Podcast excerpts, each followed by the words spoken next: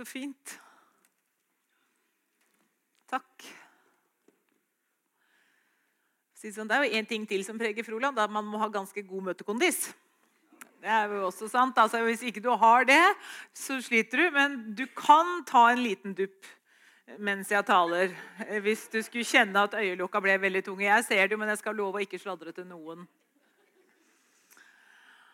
Men takk skal dere ha, altså. Det var et privilegium å ha så flotte sanger og musikere i menigheten. Og jeg må innrømme, Den første delen av sangene så satt jeg og tenkte litt på det. da. For er, altså Hele visjonen til Froland misjonskirke den lyder sånn Vi skal være et veksthus med en utstrakt hånd til verden.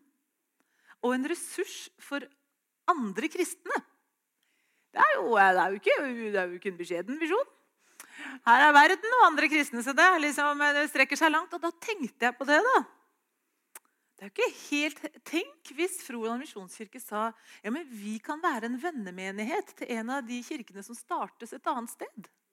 Altså, for Det er nok menigheter her i regionen. Jeg kan vel kanskje slå fast, eh, for, altså, sånn veldig nært. Det er ikke sånn kjempenært hvor det er veldig logisk å plante en ny kirke akkurat nå. kanskje her.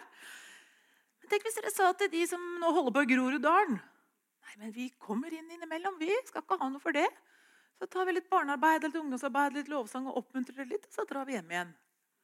Eller hvis vi starter noe i Svolvær liksom, nei, men vi kan, Det er fint med å utforske litt av landet vårt. Vi, vi, vi, vi, vi tar noen turer til Svolvær, vi. Så får vi brukt noe av gavene og ressursene. Liksom, tenk så kult! Det fins nemlig sånne vennemenigheter som støtter sånn at disse nyplantene kan bli store og sterke. Kjente på at det var en veldig fin utfordring til Misjonskirka i Froland. Jeg kjenner meg allerede noe sånt. For det er, det er jo én ting å be deg flytte til Svolvær, liksom, men det har jeg ikke helt tro for. Så, men Gud er stor, da. Eh, men tre-fire ganger i året, kanskje. Det er spennende å tenke på, kjente jeg. Ja vel, kjære Misjonskirka i Froland. Det jeg har spurt meg selv da, eh, foran denne kvelden, det er altså, jeg spør meg hva skal til for at Misjonskirken Norge skal klare å tro sine plante? Og hva skal til for at Froland misjonskirke skal fortsatt være et veksthus med en utstrakt hånd til verden og være en ressurs for andre kristne? Og så har jeg allerede sagt det første. Jeg tror vi må ligge nesegrus for Herren i bønn og faste. Det, det, det, mener jeg helt oppriktig. At det, det, tror jeg er et veldig bra sted å starte. Men så tror jeg en ting til. Ja, det er, det er ikke noe jeg bare har talt om i kveld. Altså. Det er eh, kanskje de siste par ukene så er det liksom en en sånn setning som har eh, tornt i mitt indre. Og det er at Gud kaller fremdeles til tjeneste. Jeg tror Gud fremdeles kaller til tjeneste. Og jeg tror at alle mennesker som følger Jesus, har et kall til tjeneste. Det er ikke forbeholdt profesjonelle kristne, som nabodama kalte meg. Eh, altså de som får lønn for det, liksom. Det er ikke forbeholdt eh, pastorer og misjonærer og eh, sånne ting. Men alle mennesker som følger Jesus, har et kall til tjeneste. På en eller annen måte. Og Det er et sånn rop inni meg hvor jeg opplever Gud sier at det sier jeg kaller fremdeles til tjeneste. Og Det er jo ikke noe jeg bare finner på. da. Jeg tenkte vi skulle lese sammen fra 2. Timoteus. Jeg er altså så optimist fremdeles. Jeg må få meg progressive briller. Men hvis jeg har godt lys, da klarer jeg å lese dette verset. 2. Timoteus 1,9. Jeg skal zoome inn her nå. Der står det Han har frelst oss og kalt oss med et hellig kall ikke pga. våre gjerninger, men etter sin egen vilje og nåde. Skal vi ta det en gang til? Han har frelst oss. Og så har han kalt oss med et hellig kall. Ikke pga. våre gjerninger, men etter sin egen vilje og nåde. Og du vet, Hva er det som gjør at du og jeg kan tjene Jesus, da? Altså, det, det, det, hvem, hvem, kvalifiserer for det, liksom? det jeg skal si nå er på en måte en kombinasjon av en tale og mitt vitnesbyrd for hva som gjør at jeg tør å liksom si ja til å være generalsekretær i Misjonskirken Norge eller være pastor eller være noen ting som helst. I det kallet som jeg tror Gud har gitt. Og, er, og så har jeg noen punkter, da. Jeg har tross alt vært lærer på Ansgar, så vi har noen punkter. For det aller første, Hvis det skal være mulig for mitt vedkommende, jeg tror det gjelder oss alle, så er det at vi tjener ut ifra nåde. Tjener ut fra nåde. Hva var det vi var kalt ut ifra? Han sa han kalt oss ikke til våre gjerninger, men til sin egen vilje og nåde. Og Som kristenfolk er vi veldig gode til å si at vi er frelst av nåde. Det skjønner vi at vi kunne ikke klare å frelse oss selv. Men etterpå, liksom, da er vi on your own. Men vi tjener av nåde òg! På grunnlag av nåde og ut ifra nåde så kan vi tjenestegjøre. Og det er på en måte bunnplanka i livet mitt. Og takk og lov og pris at han har kalt oss pga. sin egen vilje og nåde, og ikke pga. mine gjerninger. For det kan jeg bare si. At Misjonskirken Norge har fått en generalsekretær som ber altfor lite. Jeg leser altfor lite systematisk i Bibelen. Jeg vitner, altså, og Spørsmålet er når leser man egentlig nok? Og når ber man nok? Når vitner man nok? Blir det nok noen gang? Og når det kommer til tro på hjemmebane, som er veldig inn i tiden nå, så er jeg sånn passe. Gutt 16 er sånn passelig interessert. Altså, jeg er ganske passelig på veldig mange ting. Så hvis det hadde stått på det, så kunne ikke jeg tjenestegjort. Jeg kommer til kort på så mange områder. Og Nå kunne ikke Espen være med i dag, for han måtte i familiebursdag. Men hvis ikke kunne han vitna masse om det. Altså Espen, det er han jeg er gift med. At jeg kommer til kort. Og det er sant når Skriften sier at vi ser stykkevis og forstår stykkevis. Det er ingen som har fasiten. Noen av oss. Men er jeg elska? Ja. Er jeg ubetinga elska? Ja. Er nåden bunnplanka i livet mitt? Ja. Og hva er nåde? Altså, nåde det er jo så ullent. Vi vet jo nesten ikke hva det betyr. Og så skal du forklare nåde. liksom. Det er sånn mm, et kristenord. Bare på grunn av din nåde Og så er vi ikke helt sikre på hva vi synger om. Men hvis vi kaller det nåde for overstrømmende, ufortjent kjærlighet og godhet det er bra utgangspunkt å tjene på. U, altså overstrømmende, for det står det her hvis nåden det betyr hvis noe med overstrømmende. Ufortjent godhet og kjærlighet. Og greia er den at jeg er så heldig. For jeg har vokst opp med et sett foreldre som har heia på meg i ett og alt. Jeg har kjent meg elska fra den dag jeg ble født. Så jeg tror jo på det når det står at Gud elsker meg. da, Takk og lov! Han elsker meg. Så tenker jeg, går det gærent? Det kan hende. Men elsker han meg likevel? Ja. Er det ny nåde i morgen? Ja, dette er ikke gammelt fra i går engang. En ny nåde hver dag som jeg kan få lov å gå inn i. Som jeg hele tida kan falle tilbake på. Derfor har jeg turt å gjøre så mange ting som jeg egentlig ikke hadde turt. For han elsker meg jo. Men jeg skal bare si litt mer om det der at jeg er så heldig. for det, jeg, Nå er mamma i salen, da, stakkar, men hun tror bare godt om sine fire barn. Vi kan nemlig ikke gjøre noe galt. Og sånn har det egentlig alltid vært. Så henger jeg deg litt ut, Bjørn. Du får bare tåle det. Når han hadde spolt dekka på bilen på en uke, og det var ikke et spor igjen av dem. Han var ung og hadde fått lappen. Da sier mamma det må være veldig dårlig kvalitet. Vi må, rek vi må reklamere på dem! For han er jo min sønn! Jeg mener, altså, han kan ikke ha gjort noe galt.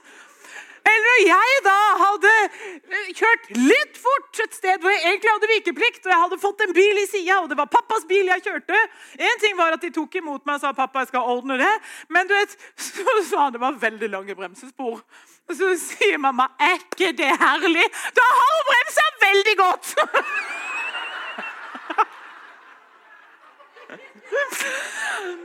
vet du, jeg vet står at Den hellige ånd er vår talsmann hos Faderen. Men ikke sant, jeg kan bare tenke på mamma, så har jeg sånn en talsmann på hjemmebane. liksom. Ja, men poenget er at jeg er veldig heldig.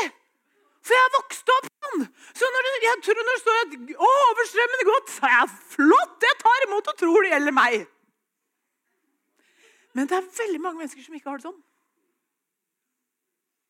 og som av en eller annen grunn definerer seg akkurat bare litt utenfor den nåden. Det holder vel ikke helt? Jeg må sikkert litt mer eller litt oftere eller litt sterkere eller litt grundigere. Et eller annet. Bare noe litt mer. Og så definerer man seg selv bare akkurat litt utenfor. Og Det er som en sånn derre oh, Vinne meg. At kallet til tjeneste, det var med utgangspunkt i Guds nåde. Og hør Jeg var eh, veldig heldig, da. Altså, Misjonskirken i Norge det fins ikke bare i Norge, men det fins i hele verden. Misjonskirken worldwide. Fins nesten i alle land. Og det fins noe som heter International Federation of Free Evangelical Churches. IFEC. Og De samles fjerde hvert år, og jeg var så heldig at IFEC møttes i min femte uke som generalsekretær. Så da måtte jeg ofre meg og dra til Hellas. I september. Men noen må jo lide for Kristus. Og gå! Så en uke i Hellas sammen med kirkeledere. Altså, Jeg hadde lunsj med noen fra Libanon. Så hadde jeg middag med noen fra Filippinene. Og så var det noen fra Tyskland, og noen fra Spania, noen fra Italia noen fra, altså det, det, var fra, det, var fra, Ecuador og Mexico og Colombia. Og de fra India fikk ikke visum, så de måtte være på skjerm. De fra Russland og Ukraina fikk heller ikke visum. de måtte være på skjerm, skjønner du? Det var fra hele verden. Jeg satt med general, bare generalsekretær. var vi 24 stykker. altså det var sånn, Jeg var eneste dama for øvrig, så det var veldig spennende. Og så da jeg traff de, altså, Bare til treffe tros... Altså, søsterkirker i Libanon som har arbeid i Syria. og som er, Vi er de eneste demokratiet i mils omkrets. Det var også spennende å snakke med dem.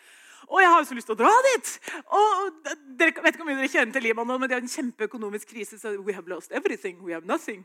Så sa han bare the government has given us fresh account. Så lo de litt. Det betyr at det var friske kontoer, men det er ikke noe penger på dem. For alt de har og eier, er frosset i banken. Det er kjempekrevende. Dette er en parentes i parentesen. da. Men så satt jeg og pratet med de fra Libanon. Hvis jeg kommer til dere, liksom, hvordan kan man liksom, Jeg var så opptatt av hvordan man skal kle seg. For jeg vet, Når du er i Hellas, da med de kristne damer må sie skjørter. og liksom, Så jeg var veldig tekkelig kledd på denne konferansen. Med lange armer og side kjoler. Og så ser han på meg veldig tørt. Han, han, var, han var, godt voksen. altså Vi var tre godt voksne menn fra Libanon. Så, så smiler sånn Uh, uh, you are uh, Can I say something? You are veldig old fashioned. Du, du er veldig gammeldags. og så spurte han hvilken landsby er det du kommer fra. Og så holdt han på å le seg i hjel. For jeg vet at damene i Libanon de, de, de kunne gå kledd åssen de ville. så det var ikke noe problem. Men i alle fall, på denne konferansen, siden vi var i Hellas, så dro vi til Korint. Vi hadde én dag ekskursjon. Vi satt jo inne og hadde møter hele dagen, men en dag var vi i Korint. Det er den byen Paulus bodde i. Halvannet år cirka, og som han senere skrev første og andre Korinterbrev til. Og Korint var stort sett ruiner. Eh, men det var noe, det var, og Jeg må bare ikke begynne å fortelle, jeg kan ha et eget møte etterpå, fortelle om Korint, men jeg skal fortelle én av tingene. For så sto vi der eh, i noen av ruinene, så så vi på digert fjell, og oppå det fjellet så var det sånn tempelruiner. For der hadde det vært tempel til en sånn eh, gresk gudinne. Og så sa han på Paulus sin tid, var, De regnet med at det var 400 500 000 slaver i den byen. Altså, hele samfunnet var jo drevet på slavearbeid. Og så sa han oppå der, hos den eh, kvinneguden Der regnet de med at det var 1000 sexslaver. Unge jenter pluss en del hundre unge gutter. Og så forteller han disse unge jentene at uh, hver dag så gikk det prosesjon ned fra tempelet og ned til Korint. Og så, Da var de på en måte fritt vilt. da. Fordi at det, Med å misbruke disse jentene så tilbød man samt, Det var å tilbe guden. Og så kunne man også gi penger, ikke til jentene, men til tempelet.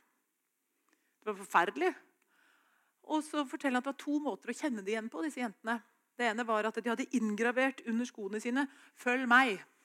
Sånn at liksom, de kunne følge altså fysisk Å, der er det en sånn jente som har gått. Da kan jeg bare følge etter og ta for meg.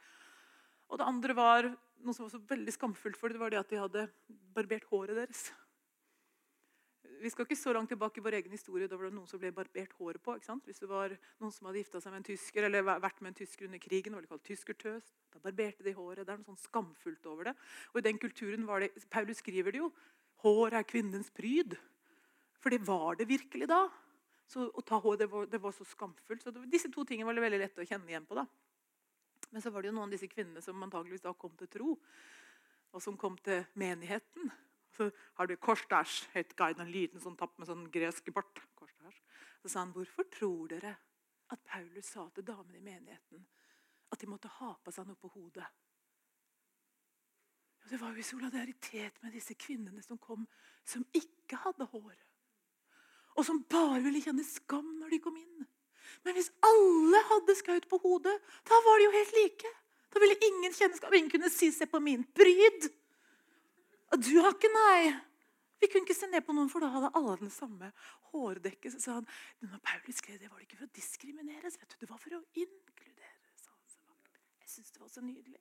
Og så fortalte han samtidig at i, i mange skoler der i nå i dagtid, hvis noen barn var syke og fikk kreft og mista håret, så var det ofte sånn at klassekameratene barberte håret sitt i solidaritet med den ene som hadde mista sitt.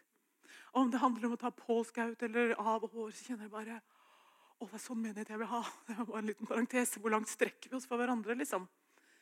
Men det jeg tenkte på, det var til deg som har definert deg ut forbi den der nåden. Og så kjenner jeg kan ikke tjenestegjøre pga. nåden. Da, da, da, ser jeg for meg disse kvinnene liksom, som, kom med det skautet. Og så er det greia, så forteller han at eh, Hvis de da ble frelst, begynte menigheten, da ville de jo gjerne slutte som sexslaver. Men det var dødsstraff. Og det var bare én måte å få de fri på. Det var hvis en mann gikk opp og kjøpte de fri. Og det kunne ikke prute på. Det var, dyrt, det var så dyrt, for det var så god inntektskilde for tempelet. Men han sa, jeg regner med at det er mange menn som har gjort det, som har gått opp og kjøpt fri. disse som ville følge Jesus. Og to steder i Korinterbrevet skriver Paulus husk at dere er dyrt kjøpt, og prisen er betalt. Vi vet at det, at det, handler om Jesu blod for oss. Men du vet, hvis du sitter med den bakgrunnen, da, da hører du liksom to ting på en gang. Ja, og så, så skriver til bruk derfor kroppen til Guds ære. fortsetter den jo. Du er dyrt kjøpt. Og da tenker jeg liksom, Av og til er det litt vanskelig å forstå hvor dyrt kjøpt vi er fra Jesus. Men hvis vi liksom setter oss inn i den situasjonen, så skjønner vi ok, vi er, vi er dyrt kjøpt. Og når han kjøpte oss ved sitt blod på korset, så bar han vanæren antagelig, så hang han naken på korset. Altså, det var ikke så mye elg i solnedgang. liksom. Det var ikke sånn, å, nydelig. Det var helt forferdelig. Han bar vanæren for at vi skulle kunne tjene ut fra hodet. Så ikke definer deg utenfor. Det er veldig langt, det første punktet, så jeg skal ikke holde på like langt med de andre. altså. Oi, oi, oi. Men kanskje dette var veldig viktig. Nåden dere er bunnplanka i det jeg holder på med. På grunn av Guds nåde så kaller han alle mennesker til alle som vil følge Jesus, kaller han til tjeneste. En eller annen tjeneste. Det gjelder alle. Uansett hvordan du definerer deg selv, eller hvor du har uh, gått på snørra. For vi sjangler gjennom livet alle sammen så godt vi kan. Med mer eller mindre hell. Det andre punktet når vi snakker om hvorfor i alle dager kan vi tjene på det kalde Gud har gitt oss. Jo. Og det, Jeg skal prøve å fatte meg i korthet, altså, men var, det er ikke lett. Men jeg tjener fordi at jeg kan tjene ut ifra mine gaver.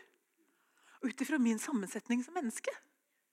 Vi tror at Gud har gitt oss en personlighet, han har gitt oss en utrustning. Han har gitt oss noen naturgaver. Noen er flinke til å synge og spille, og noen er flinke til å sparke fotball. Ikke, ikke sant? Og så har han gitt oss noen talenter, og i tillegg så har han som oss, som oss kristne har gitt en sånn ekstraordinær utrustning, nemlig nådegaver. Og sammensatt så blir det da meg. Og så lurer jeg på hva er naturgave, hva er nådegave. Det er jo ikke så farlig, bare du tjener Gud med det, tenker jeg. Eh, det slår meg med salmisten som sier at er, han har skapt oss på underfullt skremmende vis. Jeg tenker Noen ganger er det underfullt, andre ganger er det nokså skremmende. Men, ehm, men det som er At det er så befriende. Når jeg kan få lov å gjøre det jeg er skrudd sammen til å gjøre. Fordi noen andre gjør det de er skrudd sammen til å gjøre. Altså, Det er så nydelig. Og, og jeg kunne holdt en helt tale om 1. Korinter 12, der det står det hvordan kroppen er skrudd sammen. Det ville vært veldig dumt hvis alle var hånd, ikke sant? for det ville jo bli et monster. Det er veldig dumt hvis alle var øye. Vi har sett filmer om altså Det går ikke an. Og likevel holder vi på sånn og misunner hverandre hvorfor vi er noe annet, ikke det noen andre er. Jeg bare tenker på, Misjonskirken Norge har fått en, en, en generalsekretær med ekstreme tekniske begrensninger. Altså, Jeg har jo hele livet notert kalender på en bok.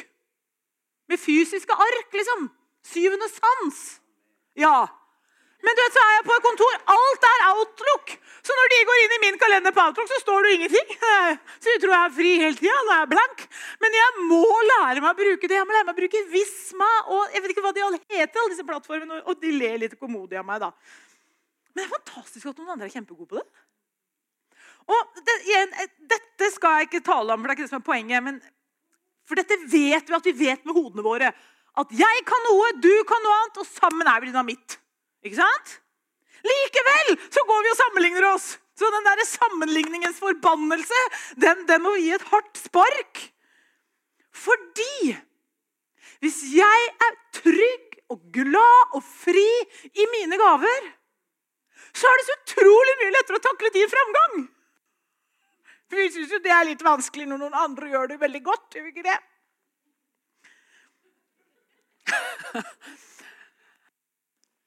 Hvis jeg er trygg og glad i mine gaver, så er det så utrolig mye lettere å heie på andre. Så blir jeg ikke så lett såra. Så blir jeg ikke så lett fornærma. Og andres framgang blir liksom ikke en trussel. da. Fordi når jeg gjør mine greier godt, og du gjør dine greier godt, så gir vi ære til samme far. Det er så nydelig. Jeg må bare nevne for all del en parentes til alle som driver menighet. Det er veldig stor forskjell på tjeneste og dugnad. Altså, det, er, det må alltid si når jeg snakker om dette. her, for vi, vi, kan ikke si at du skjønner, jeg er ikke kalt til å vaske kirka. Det er ikke mitt kall. Nei. Eller det er ikke min tjeneste å, liksom, altså, Vi har fe, kristne fellestjenester, og så har vi gaver. Alle skal gi. Men noen har en givertjeneste så de gir kjempemye. Alle skal be, men noen har en gave. så de. Alle skal dele troa si, men noen er evangelister. Altså det, vi har fellesgaver som går mer sånn på dugnad, som alle kan. Men så, når vi snakker om å tjene Tror du det? da må vi tjene. Hvis vi skal holde lenge, da må vi gjøre det sånn som vi er skrudd sammen.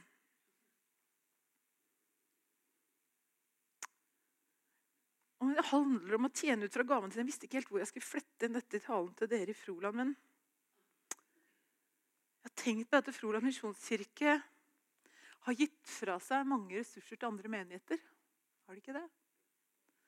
Og det er ikke som et resultat av at dere har satt dere ned og drømt om å plante en menighet. liksom. Men fordi den har bare dukka opp.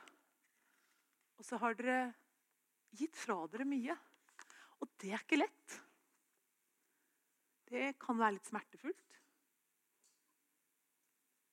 Men når jeg da snakker om å finne sin altså det der at jeg tjener ut fra min sammensetning, så ble jeg så fylt av tro når jeg ba for dere i dag om at eh, Jeg har sånn tro på at hver kirke har på en måte sin DNA. Sin greie.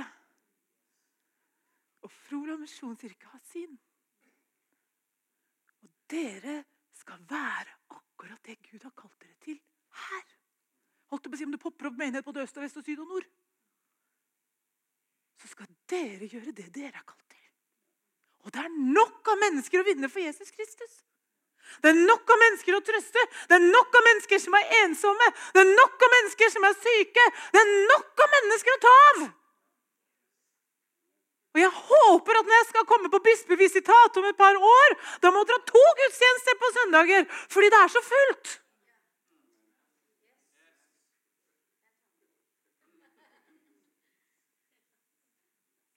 For det er ikke bare vi som enkeltmennesker som tjener ut ifra våre gaver. Det er vi også som fellesskap. Okay, mitt tredje punkt Utgangspunktet er at jeg tror fremdeles Gud kaller til tjeneste. Jeg tror han kaller helt vanlige mennesker hele tida til en eller annen form for tjeneste. Jeg mener ikke at du da må bytte jobb, eller gjøre noe veldig greier, men han kaller hele tida mennesker til tjeneste. Kan hende noen skal bytte jobb også, for øvrig. Og hvordan kan vi tjene? Jo, pga. Guds nåde. Vi tjener ut ifra våre egne de gaver han har gitt oss. Takk og lov og pris. Ikke de han ikke har gitt oss. Og så er det tredje som er veldig viktig for meg, det er at vi tjener midt i våre begrensninger. Altså, Vi har så mange begrensninger, og noen av de er likt for alle. Vi har begrensa med tid. Det er ingen, Uansett hvor styrtrik du er, så er det ingen som har mer enn 24 timer i døgnet. Det er likt tilmålt for alle mennesker. Alle trenger søvn. Det er en begrensning. Jeg kan ikke jobbe 24-7. Jeg må sove. Og aller helst åtte timer. Det fins noen som er veldig misunnelige på, som sier de kan klare seg med seks eller fem. Det tror jeg ikke noe på, kanskje egentlig. Men vi må, iallfall, vi må ha søvn. Alle må ha søvn. Vi må ha hvile. Vi må ha nok hvile. Hvordan får du et bål til å brenne? Hvordan får du kubbene til å få fyr? Du må ha mellomrom. Vi må ha mellomrom i livet våre. Det er en begrensning. Og faktum er det at Jeg tror ikke det er et resultat av syndefall engang. Jeg tror det er et resultat av Guds gode skapelse. For han sa der satte han dag, og der satte han natt. Ergo skulle vi jobbe om dagen, skulle vi sove om natta. Vi ble skapt med begrensninger som ikke er til. Og pga. at veldig mange bryter de hele tida, så er vi slitne og deprimerte og utslitte og mister troa. Kanskje litt deprimerende tanker, ikke det, men eh, det gjelder faktisk for noen. For man sliter seg ut. For man, man kjemper mot begrensningene istedenfor å uh, erkjenne dem. For å sitere min mor igjen Det er altså så herlig at det er natt mellom hver dag. Ja. Hei, livsvisdom! Vi har begrensa sosial kapasitet. Det ser veldig forskjellig ut hvor mye vi orker og mye vi makter i løpet av en dag. Det kan handle om eh, personlighet, og det kan handle om alder og helsesituasjon. Vi har begrensa arbeidskapasitet. Og de som er Duracell-kaniner, kan bli litt irritert på de som ikke er det. Men det er begrensninger vi har, alle. Og så er det ganske stor begrensning at ingen av oss er best i noe. Tenk hvis vi bare skulle gjøre det vi var best på. Altså best i. Hvem skulle reist rundt totalt da? Hvis jeg, bare, hvis jeg ikke kunne gjøre noe hvis noen andre gjorde det bedre enn meg. Det er alltid noen som kan gjøre det bedre enn deg. Men det er en begrensning.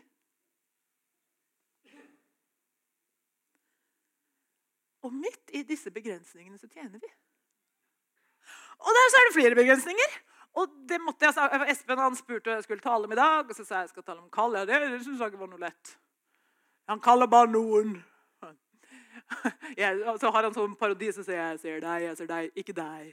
Deg, deg ikke deg. Og noen kjenner kanskje og Så lo han litt av det, så spøkte vi litt, og sånn, men kanskje du likevel har den der følelsen. Herren ser deg, ja, men ikke meg. At det liksom, han hopper akkurat over deg. Og det er jo en begrensning. at Noen ganger så vet vi ikke hva huleste er kallet mitt. da.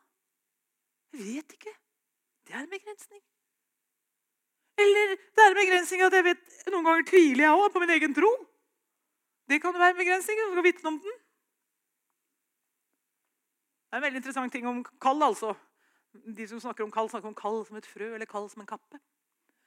Kallet som et frø det er det de aller fleste opplever. Det er et lite frø som vokser og gror, og etter hvert så tør du å gjøre det som vokser deg fram. Og så er det noen få mennesker som får den der kappeopplevelsen. Sånn som Elia og Elisha. Boom! Der fikk du kallet, liksom. Eller Moses og brennende busken. Det er ikke så mange som har sånne kappeopplevelser. Men det er veldig mange som får et frø.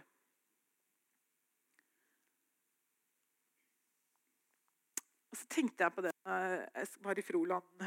Jeg skulle til Froland. For det er jo de begrensningene som alle vi har. Så er det de begrensningene som er mye sterkere når vi skal tjene. For kanskje du har gjort deg noen utrolig dårlige erfaringer. Da blir det fort en begrensning. Eller kanskje du har vært dypt deprimert de siste 15 årene. Kanskje du har angst. Kanskje du er kronisk syk.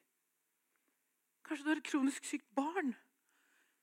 Kanskje du har vært gjennom et kjempetap, så du er midt i tidenes sorgarbeid. Kanskje han var så latterlig ensom, eller er så lav på energi. Og alle disse begrensningene de bare gjør deg gal.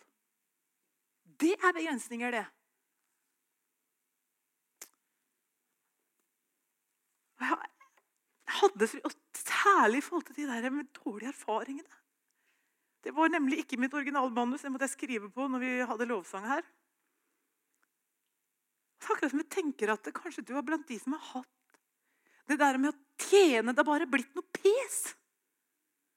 Det er bare noe mas og noe jag, og du får litt sånn svett når du hører om det.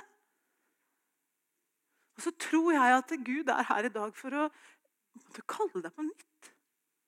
At det skal være noe friskt og noe godt og noe annerledes. At han skal gi deg nytt mot og ny tro. At han skal kalle meg, Det trenger ikke være det samme som du holdt på med for. Kanskje det er noe helt annet, kanskje det er det samme, men at, det, at ikke du skal liksom definere deg selv som brent barn hele livet. liksom. Og Hvis ikke jeg har forstått helt feil, så er det nattverd etterpå.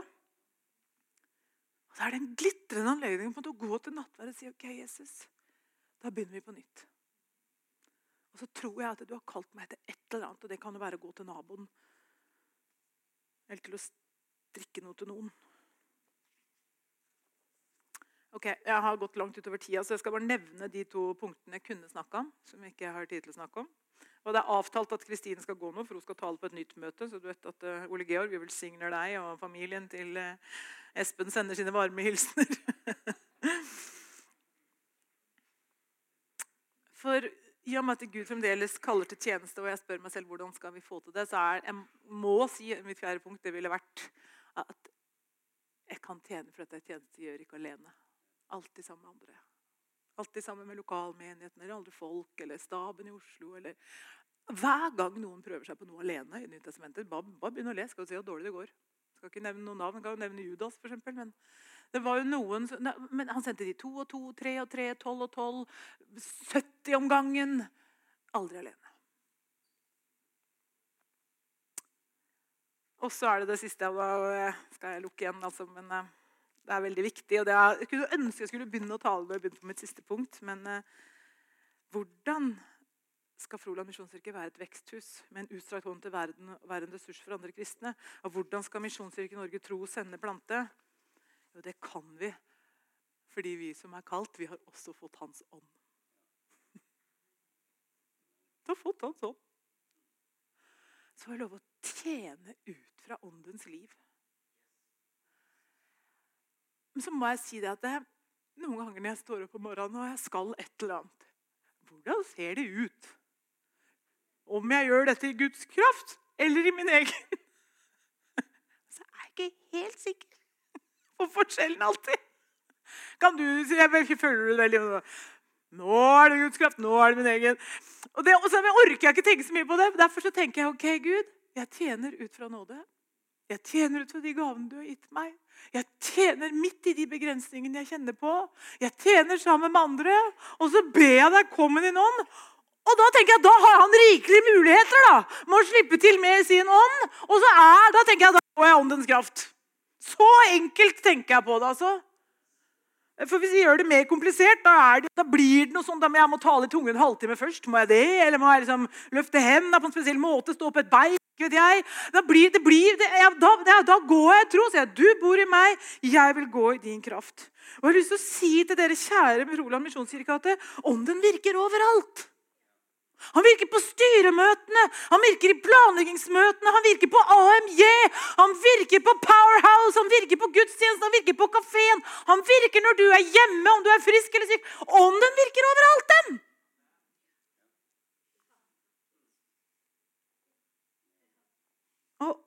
Gud kaller fremdeles til tjeneste. Og jeg er veldig spent på hva det er han kaller deg til. Det kan dere kanskje ha vitnemøte på senere.